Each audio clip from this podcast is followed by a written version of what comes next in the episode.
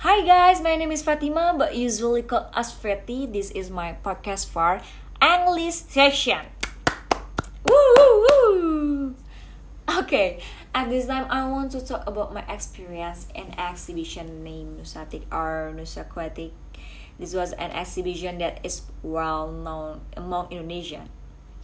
Nusatik event is quite awaited, especially by ornamental fish fans in 2019, I attended the Nusatik exhibition, which we held on 29th November until 1st December 2019 at the Indonesia Convention Exhibition or ISB the City Tangerang.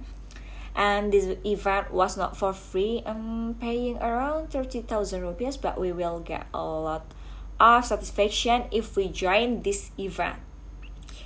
This event was held for three days, where I myself didn't want to miss even once in a day because they were full of interesting content every day. And at the Nusatik 2019, the number of visitors for three days are around 11,000 people. Wow! Nusatik Ornamental Fish Exhibition always gets great enthusiasm from participants and visitors.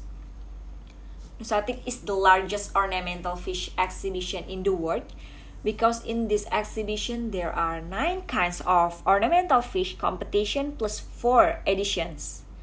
The number of fish this year is more than 5,000 fishes, both from competition and participate in exhibition.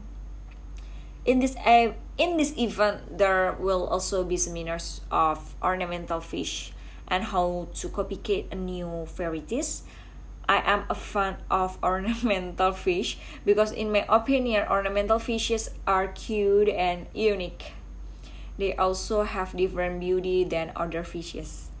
This is very interesting for me because Nusatik 2009 then has a series of interesting events that uh, present several ornamental fish communities from all over Indonesia. When the last day of this exhibition, I also bought ornamental fish which I thought was beautiful and elegant. And this event was very fun and made the name of Indonesia mentioned in various countries. That's all from me, guys. Thank you for listening to my podcast. Stay healthy and bye.